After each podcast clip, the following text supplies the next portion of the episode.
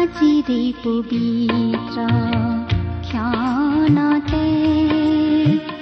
উজলি উঠা খ্ৰীষ্টৰ জ্যোতি বাইবেল অধ্যয়নৰ এই শিক্ষামূলক অনুষ্ঠান ভক্তি বচনলৈ আপোনাক ওলগ জনাইছো।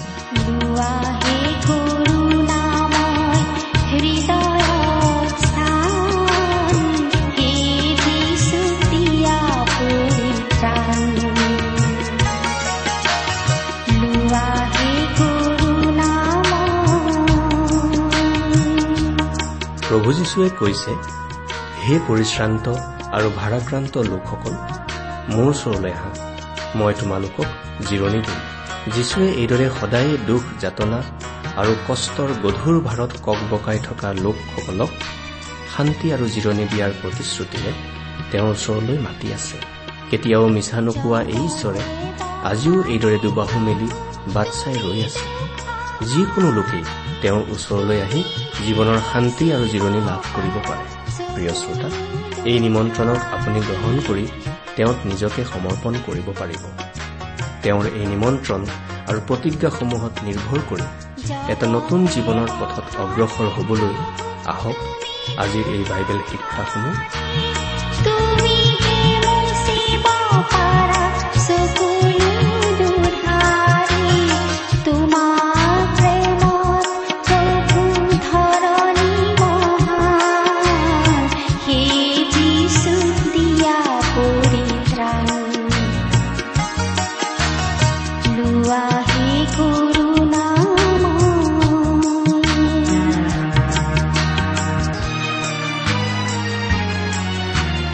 পাপৰ কালি লগা যিখনি ধৰণি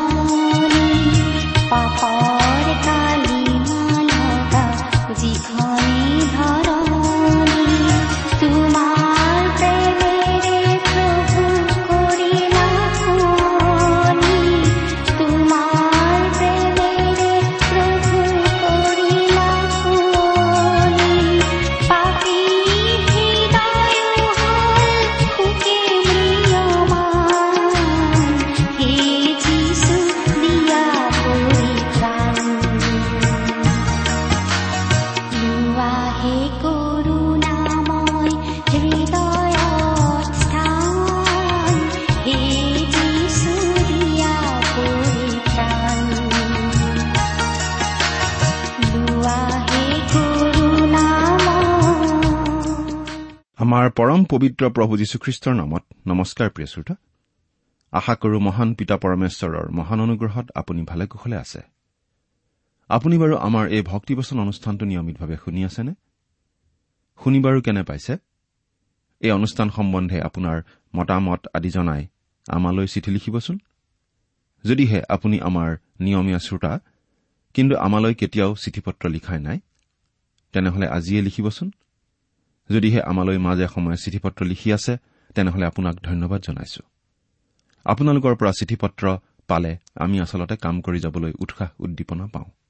আহকচোন আজিৰ বাইবেল অধ্যয়ন আৰম্ভ কৰাৰ আগতে খন্তেক প্ৰাৰ্থনাত মূৰ দুৱাওঁ। আমি প্ৰাৰ্থনা কৰো স্বৰ্গত থকা অসীম দয়ালু পিতৃ ঈশ্বৰ তোমাৰ মহান নামৰ ধন্যবাদ কৰো। তুমি সৰ্বশক্তিমান সৰ্বব্যাপী সৰ্বজ্ঞানী ঈশ্বৰ হৈও আমাৰ দৰে ক্ষুদ্ৰ মানৱক যে ইমান প্ৰেম কৰা সেই কথা ভাবিলেই আচৰিত লাগে।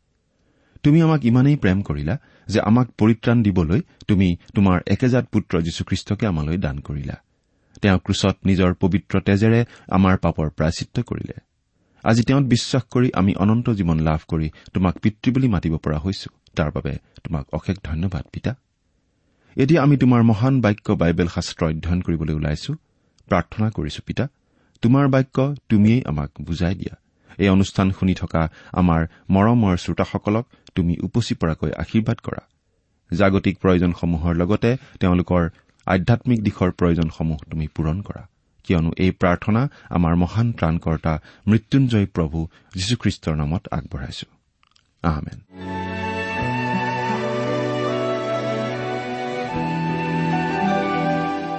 প্ৰিয় শ্ৰোতা আপুনি বাৰু আমাৰ এই ভক্তিবচন অনুষ্ঠানটো নিয়মিতভাৱে শুনি আছেনে? যদিহে শুনি আছে তেনেহলে আপোনাৰ নিশ্চয় মনত আছে যে আমি আজি ভালেমান দিন ধৰি বাইবেলৰ পুৰণি নিয়ম খণ্ডৰ হিতুপদেশ নামৰ পুস্তকখন অধ্যয়ন কৰি আছো। নহয়নে বাৰু? আমি ইতিমধ্যে এই হিতুপদেশ পুস্তকখনৰ বাইছ নম্বৰ অধ্যায়লৈকে আমাৰ আলোচনা আগবঢ়ালো। আজি আমি তেইছ নম্বৰ অধ্যায়টো আলোচনাৰ বাবে ল'ব খুজিছো। প্ৰিয় শ্ৰোতা আন কেইটামান অধ্যায়ৰ দৰে এই তেইছ নম্বৰ অধ্যায়টো কিছু দীঘল অধ্যায়। অধ্যায়টোত উল্লেখ থকা বহুকেইটা বিষয় কম বেছিভাৱে একেই হোৱাত সেইবোৰৰ পুনৰালোচনা আমি নকৰো। অৱশ্যে আটাইকেইটা পদ অৰ্থাৎ পঁয়ত্ৰিশটা পদৰ আটাইকেইটাকে আমি পাঠ কৰিবলৈ চেষ্টা কৰিম। আমি যে কিছুদিনৰ আগতে প্ৰজ্ঞাৰ বিদ্যালয় আৰু মহাবিদ্যালয়ৰ কথা কৈছিলো আপোনাৰ নিশ্চয় মনত আছে নহয়নে বাৰু? প্ৰজ্ঞাৰ এই বিদ্যালয় আৰু মহাবিদ্যালয়ৰ শিক্ষাৰ্থীৰূপে আমি বহুকেইটা পাঠ্যক্ৰমৰে শিক্ষা আহৰণ কৰিছো নহয়নে বাৰু? যেনে জ্ঞান মূৰ্খামী এলাহ পৰিশ্ৰমী হোৱা দন্দুৰী মহিলা ধন সম্পত্তি ল'ৰা ছোৱালীৰ লালন পালন কৰা ইত্যাদি ইত্যাদি আৰু অনেক প্ৰয়োজনীয় পাঠ্যক্ৰম। আমাৰ পাঠ্যক্ৰম শেষ হবলৈ আৰু বেছিদিন নাই। আমি অতি সোনকালেই স্নাতক খিতাপ লৈ যাবগৈ পাৰিম নিশ্চয়? এতিয়া অধ্যায়টোৰ এক নম্বৰ পদৰ পৰা তিনি নম্বৰ পদলৈকে পাঠ কৰিছো শুনিবচোন। তুমি কোনো শাসনকৰ্তাৰে সৈতে ভোজন কৰিবলৈ বহিলে তোমাৰ আগত কোন আছে তাক ভালৰূপে বিবেচনা কৰা? কিয়নো তুমি আহাৰ লোভী মানুহ হলে নিজৰ ডিঙিত নিজে চুৰি দিবা তেওঁৰ উত্তম খোৱা বস্তুলৈ হেঁপাহ নকৰিবা কিয়নো সেয়ে প্ৰবঞ্চক আহাৰ।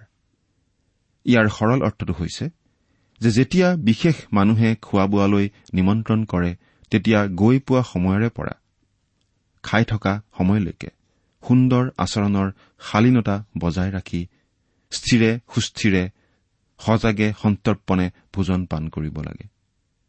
কেতিয়াও নোপোৱাবিধৰ খোৱা আহাৰ সন্মুখত পোৱা দেখিয়েই গাহৰিৰ আচৰণেৰে আচৰণ নকৰিব। আৰু কৰিবলৈ টান পাই নিজৰ থু পানীকেই চুবাই থকা লোক নহ'ব। পইচাক লৈ নোম টেঙৰ মানুহ নহ'ব। ঈশ্বৰতকৈ আপুনি বা মই অধিক টেঙৰ হ'ব নোৱাৰো। ঈশ্বৰে পইচাত পাখি লগাই দিলে ই উৰি গুচি যাবগৈ। প্ৰায় বিছ বছৰমান কাম কৰাৰ মূৰকত এজন মানুহে নব্বৈ হাজাৰমান টকা আৰ্জিছিল। সেইখিনি আৰ্জনৰ পৰা তেওঁ জনাত প্ৰভুৰ ভাগখিনিও দি দিয়া হৈছিল। ভুল হলে তেওঁক প্ৰভুৱে নিশ্চয় ক্ষমা কৰিব বুলি তেওঁ আশা কৰে। তেওঁ ভাবিছিল যে জীৱনত কিবা অলপ আৰ্জিলে। পৰিয়ালৰ দুটা ডাঙৰ ডাঙৰ কাৰণৰ কাৰণে ডেৰ লাখমান টকা দুটা বছৰতেই কিন্তু তেওঁৰ উৰি গ'ল। ষাঠি হাজাৰমান তেওঁৰ ধাৰেই লাগিল।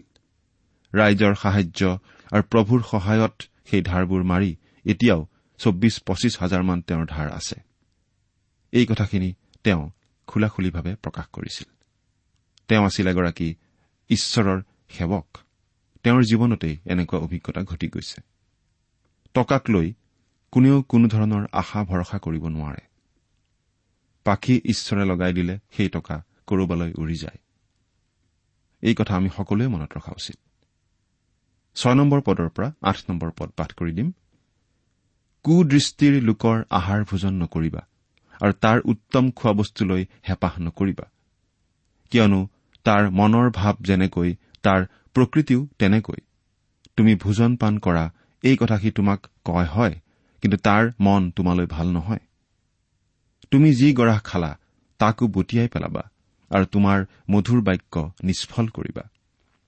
এয়া যুৱক যুৱতীসকললৈ বিশেষকৈ ডেকা পালক প্ৰচাৰক পাদুৰী বা প্ৰেছবিটাৰসকললৈ এয়া এটা বৰ সুন্দৰ আৰু প্ৰয়োজনীয় পৰামৰ্শ। বহুতো লোকে কেতিয়াবা খুৱাই বোৱাই লোৱাৰ পাছতো আপোনাৰ কাম আপোনাৰ কথা আপোনাৰ ভাৰ্যা পৰিয়াল এনেকি আপোনাৰ চেহেৰা পাতি বা গাৰ গঢ় গঠন আদিক লৈ আপোনাক হেয় প্ৰতিপন্ন কৰিব পাৰে বা লাজ দিব পাৰে। প্ৰভুৰ পৰিচৰ্যাৰ যোৱা ইমানটা বছৰে আপোনালোকৰ এই তাৎপৰ্যহীন দাসৰো এনেকুৱা অভিজ্ঞতা আছে।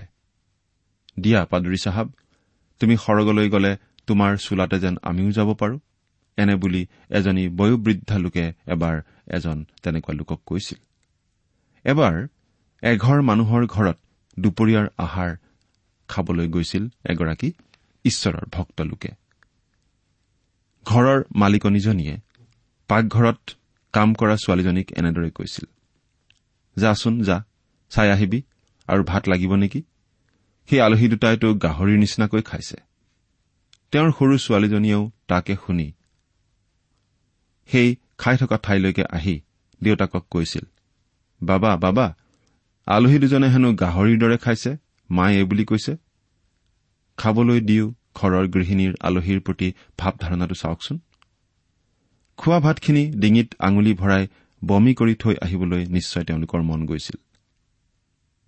এই পদকেইটাত এনেকুৱাবিলাক মানুহৰ পৰা সাৱধানে থাকিবলৈ পৰামৰ্শ আগবঢ়োৱা হৈছে। ন আৰু দহ নম্বৰ পদ। অজ্ঞানৰ কাণত কথা নকবা কিয়নো সি তোমাৰ জ্ঞানৰ কথা তুচ্ছ কৰিব।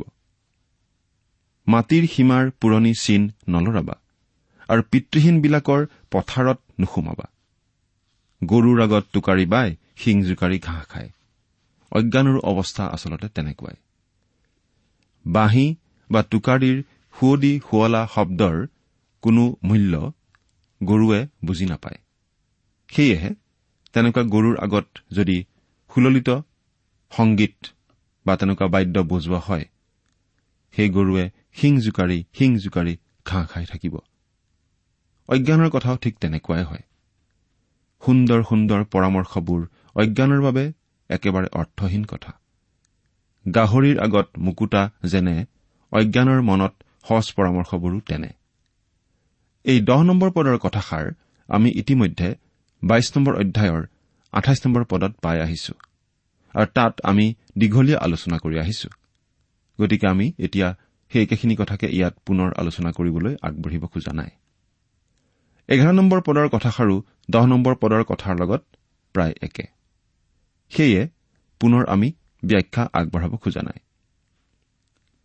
বাৰ নম্বৰ পদৰ পৰামৰ্শৰ দৰে একে পৰামৰ্শ বাৰে বাৰে আলোচনা কৰি অহা হৈছে। সেয়েহে এই কথাখিনিও আমি পুনৰ আলোচনা কৰিব খোজা নাই। তথাপি পদ দুটা পাঠ কৰি দিছো। কিয়নো তেওঁবিলাকৰ মুক্তিকৰ্তা বলৱান। তেওঁ তোমাৰ অহিতে তেওঁবিলাকৰ অভিযোগ প্ৰতিবাদ কৰিব। তুমি শিক্ষালৈ মনোযোগ কৰা আৰু জ্ঞানৰ কথালৈ কাণ পাতা। এতিয়া তেৰ নম্বৰ পদটো পঢ়ি দিছো। ল'ৰাক শাস্তি দিবলৈ ত্ৰুটি নকৰিবা। কিয়নো তুমি তাক চেকনিৰে কোবালে নমৰিব। এই উপদেশ বা পৰামৰ্শ আমি আগতেও পাই আহিছো। এই ক্ষেত্ৰত আমি পাচনি পৌলৰ কথাও মনত ৰখা উচিত যে আমি আমাৰ ল'ৰা ছোৱালীহঁতক প্ৰভুৰ শিক্ষা আৰু চেতনাৰে গঢ় দিব লাগে। ইফিচিয়া পুস্তকৰ ছয় নম্বৰ অধ্যায়ৰ চাৰি নম্বৰ পদত আমি এইদৰে পঢ়িবলৈ পাওঁ। ল'ৰা ছোৱালীয়ে কেতিয়াও এই ধাৰণা পাব নালাগিব যে মাক দেউতাকে তেওঁলোকক শাস্তি দিছে বৰং সদায় এইটোহে গম পাব লাগিব যে মাক দেউতাকে তেওঁলোকৰ ভালৰ কাৰণে শাসনত ৰাখিছে। কাৰণ শাসনত প্ৰতিপালন কৰোতেও যদি ল'ৰা ছোৱালী ভাল হোৱাৰ আশা নাথাকে তেন্তে অকণো শাসনত গঢ় দিয়া নহলে ল'ৰা ছোৱালীৰ পৰা কি আশা কৰিব পাৰি? এতিয়া চৈধ্য নম্বৰ পদৰ পৰা ওঠৰ নম্বৰ পদলৈকে আমি পাঠ কৰি দিম। তুমি তাক চেকনিৰে কোবাবা আৰু তাৰ আত্মা চিউলৰ পৰা ৰক্ষা কৰিবা। হে মোৰ বোপা তোমাৰ মন জ্ঞানী হলে মোৰো মন আনন্দিত হ'ব। এনেকে তোমাৰ ওঠে যথাৰ্থ কথা কলে মোৰ অন্তঃকৰণ উল্লাসিত হ'ব। তোমাৰ মনে পাপীবোৰক ঈৰ্ষা নকৰক। কিন্তু তুমি ওৰে দিনটো জিহুৱাৰ ভয়ত থাকা। কিয়নো অৱশ্যে পুৰস্কাৰ আছে আৰু তোমাৰ আশা ছেদ কৰা নহ'ব। প্ৰিয় শ্ৰোতা ইয়াতো ল'ৰা ছোৱালীক শাসনৰ কথা কোৱা হৈছে। আমি ল'ৰা ছোৱালীক যদিহে শাস্তি দিওঁ। অপথে যোৱাৰ পৰা বাধা দি ৰাখো। তেন্তে ল'ৰা ছোৱালীয়ে তাৰ পৰা লাভৱান হ'ব। কাৰণ তেনেদৰে উচিত পথলৈ যদি আমি ল'ৰা ছোৱালীক আনো তেনেহলে সেই ল'ৰা ছোৱালী ধ্বংস নহ'ব আম্মিকভাৱে ধ্বংসপ্ৰাপ্ত নহ'ব তেওঁলোকৰ আত্মা নৰকলৈ নাযাব। এৰা ঈশ্বৰৰ পথত ল'ৰা ছোৱালীক সুস্থিৰ কৰি ৰাখিবলৈ প্ৰত্যেকজন পিতৃ মাতৃয়ে মনত স্থিৰ কৰা উচিত। তাৰ পাছত ঊনৈশ নম্বৰ পদৰ পৰা একৈশ নম্বৰ পদলৈকে আমি পাওঁ ডেকাসকলৰ বাবে আৰু এটা সুন্দৰ পৰামৰ্শ। তেওঁলোকে কেনে সংগ আৰু বন্ধু বান্ধৱৰ সৈতে সম্বন্ধ ৰাখি চলে সেইটো বৰ প্ৰয়োজনীয় কথা। দুষ্টৰ সংগ ললে দুষ্ট আৰু ভালৰ সংগ ললে ভাল হোৱাটোকেই স্বাভাৱিকতেই দেখা যায়। যুৱক যুৱতীসকলৰ জীৱনত প্ৰভাৱ আৰু পৰিৱেশে বৰ প্ৰভাৱ পেলায়। আজিৰ আধুনিক মাধ্যমবিলাকৰ যোগেৰে যিবিলাক দেখুওৱা শুনোৱা বা পঢ়িবলৈ দিয়া হৈছে সেইবিলাকে বহু ডেকা গাভৰুক বিপথগামী কৰোৱা হৈছে। ছয়তান বৰ ধূৰ্ত কেনেকৈ কওঁ শুনিব? দূৰদৰ্শনত দেখুওৱা হয় যে ডকাইতি কৰা এটা অসৎ বৃত্তি। তাৰে সমাজৰ অপকাৰৰ বাহিৰে আন একো নহয়। তাকে শিকাবলৈ গৈ এজন ডকাইতে কেনেকৈ এক অভিনৱ প্ৰথাৰে ডকাইতি কৰি মানুহৰ হাহাকাৰ লগাই সেই দৃশ্যটো দেখুওৱা হৈছিল।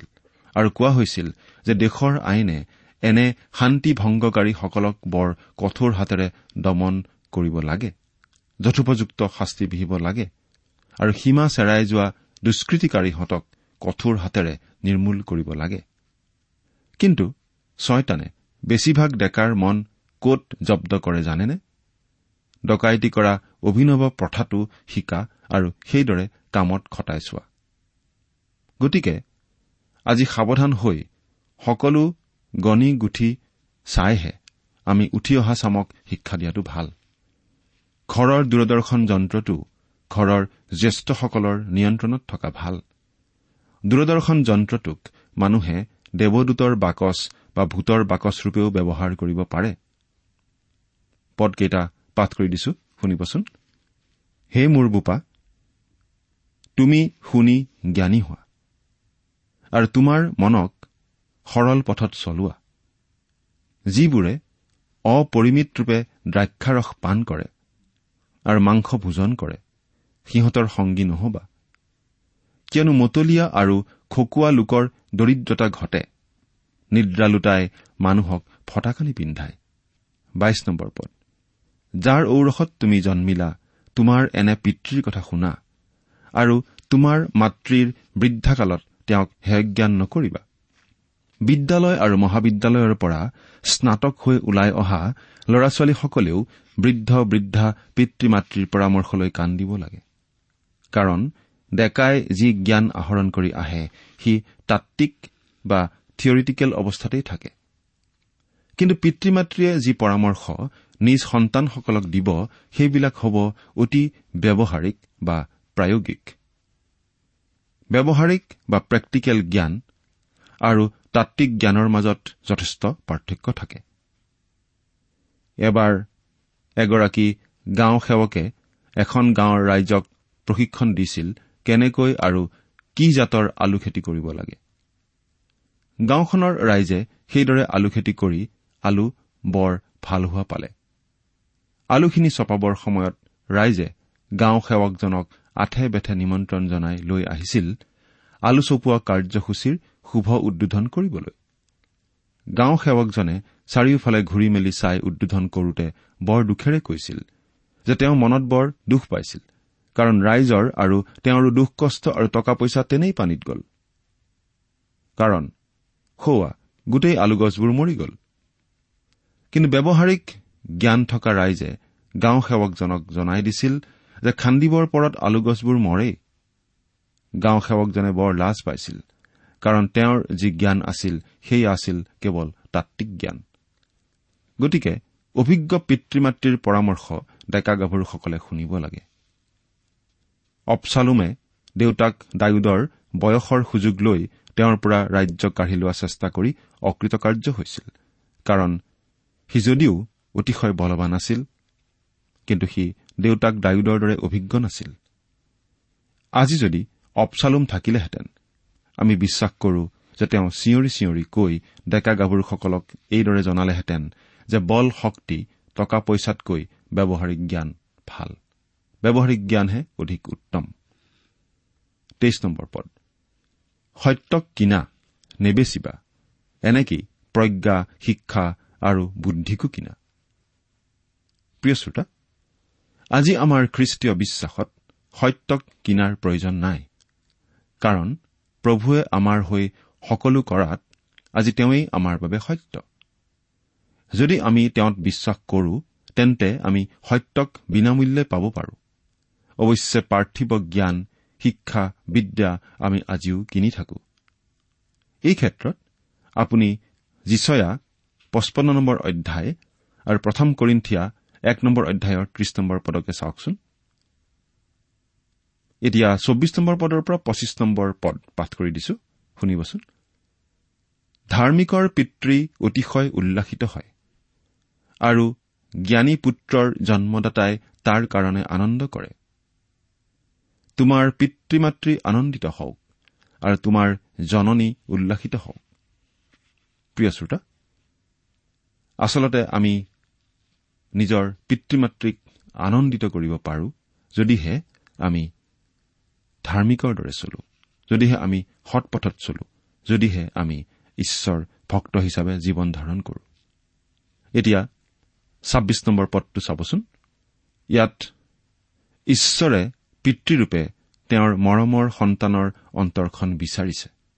নিজ সন্তানৰ অন্তৰ বিচৰাৰ বাহিৰে তেওঁ আনৰ অন্তৰ নিবিচাৰে। পৰিত্ৰাণ প্ৰাপ্ত নকৰাসকলৰ অন্তৰ তেওঁ নিবিচাৰে। পদটোত কৈছে হে মোৰ বোপা তোমাৰ হৃদয় মোক দিয়া আৰু তোমাৰ চকু মোৰ পথবোৰত সন্তুষ্ট হওক। ইয়াত আকৌ মোৰ পথ মানে পাৰ্থিৱভাৱে জ্যেষ্ঠ অভিজ্ঞ পিতৃ মাতৃৰ পথ আৰু খ্ৰীষ্টীয় জীৱনৰ বাবে ঈশ্বৰৰ পথৰ কথা কোৱা হৈছে।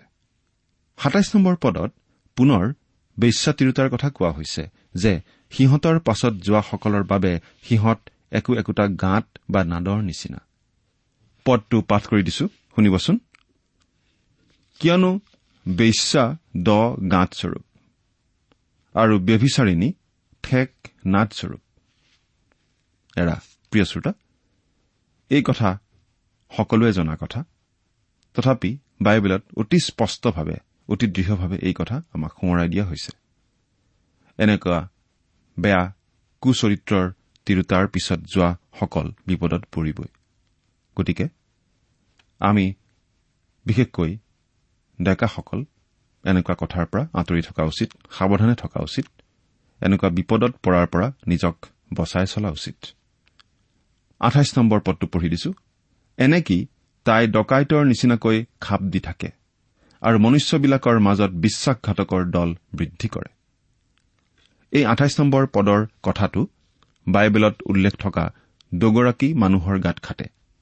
ডকাইতৰ হাতত পৰাৰ নিচিনাকৈ তেওঁলোকো পৰিছিল। কোনে হাই হাই কৰে? কোনে দুখ কৰে? কোনে দণ্ড কাজিয়া কৰে? কোনে বিলাপ কৰে?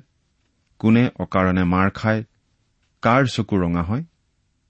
প্ৰিয় শ্ৰোতা এতিয়া ইয়াত যিখিনি কথা কোৱা হৈছে মন কৰিবচোন। কেনেকুৱা মানুহৰ কথা কোৱা হৈছে?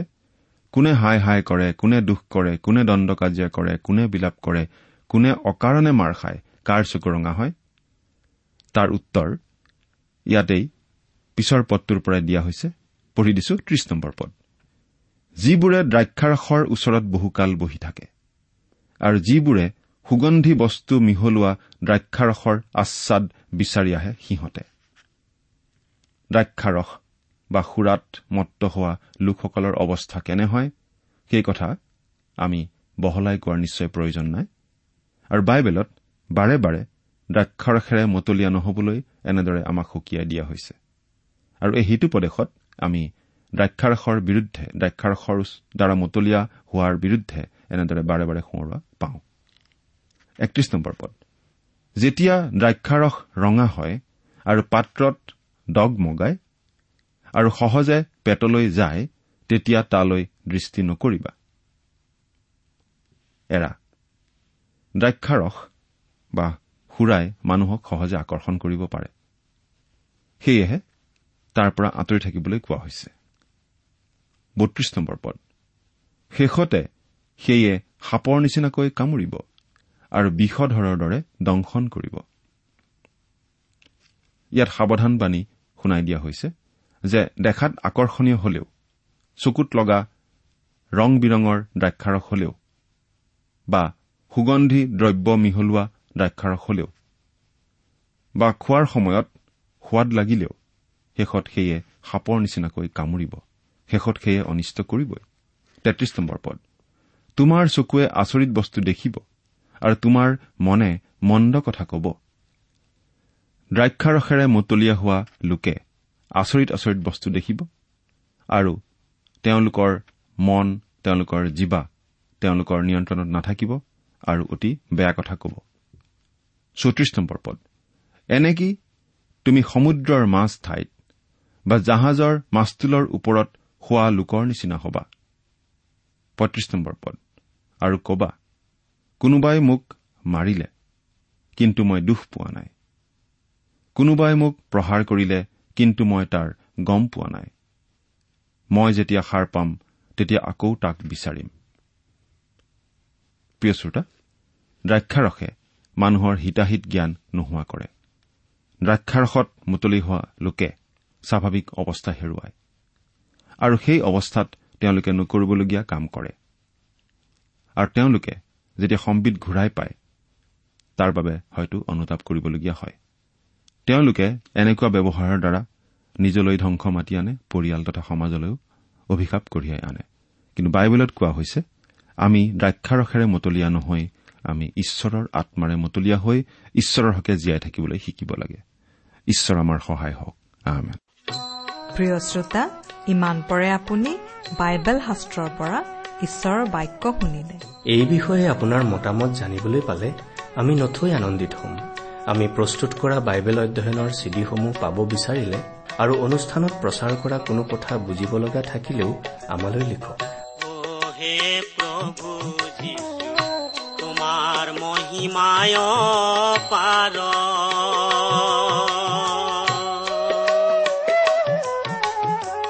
তোমাৰ চৰণে নভজিলো শৰণ।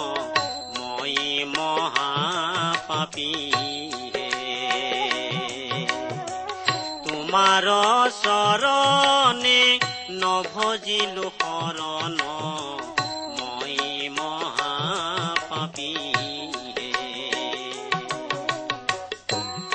আমাৰ যোগাযোগৰ ঠিকনা ভক্তিবচন ট্ৰান্স ৱৰ্ল্ড ৰেডিঅ' ইণ্ডিয়া ডাক বাকচ নম্বৰ সাত শূন্য গুৱাহাটী সাত আঠ এক শূন্য শূন্য এক। ঠিকনাটো আকৌ এবাৰ কৈছো ভক্তি বচন ট্ৰান্স ৱৰ্ল্ড ৰেডিঅ' ইণ্ডিয়া ডাক বাকচ নম্বৰ সাত শূন্য গুৱাহাটী সাত আঠ এক শূন্য শূন্য এক। আমি প্ৰভু মানব জাতি পাপতে আছো ডুবিয়ে।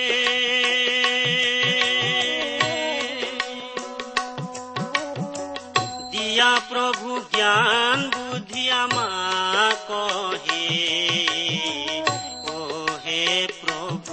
যিশু তোমাৰ মহিমায় পাৰ।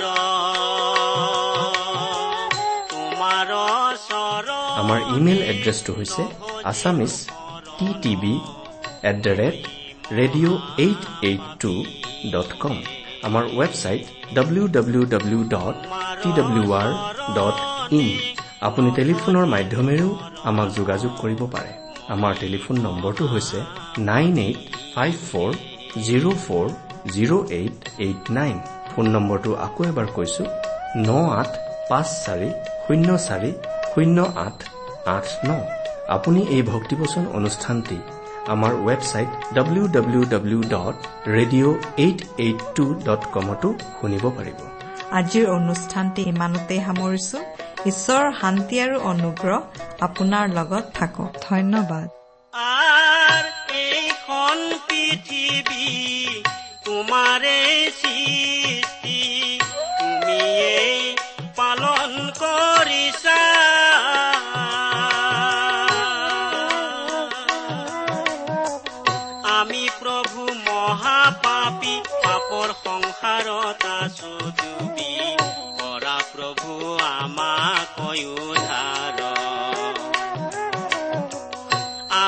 প্ৰভু মহাপাপী পাপৰ সংসাৰত আছো ডুবি কৰা প্ৰভু আমাক উদ্ধাৰ হে প্ৰভু যীশু তোমাৰ মহিমায় পাৰ তোমাৰ চৰণে নভ নভজিলো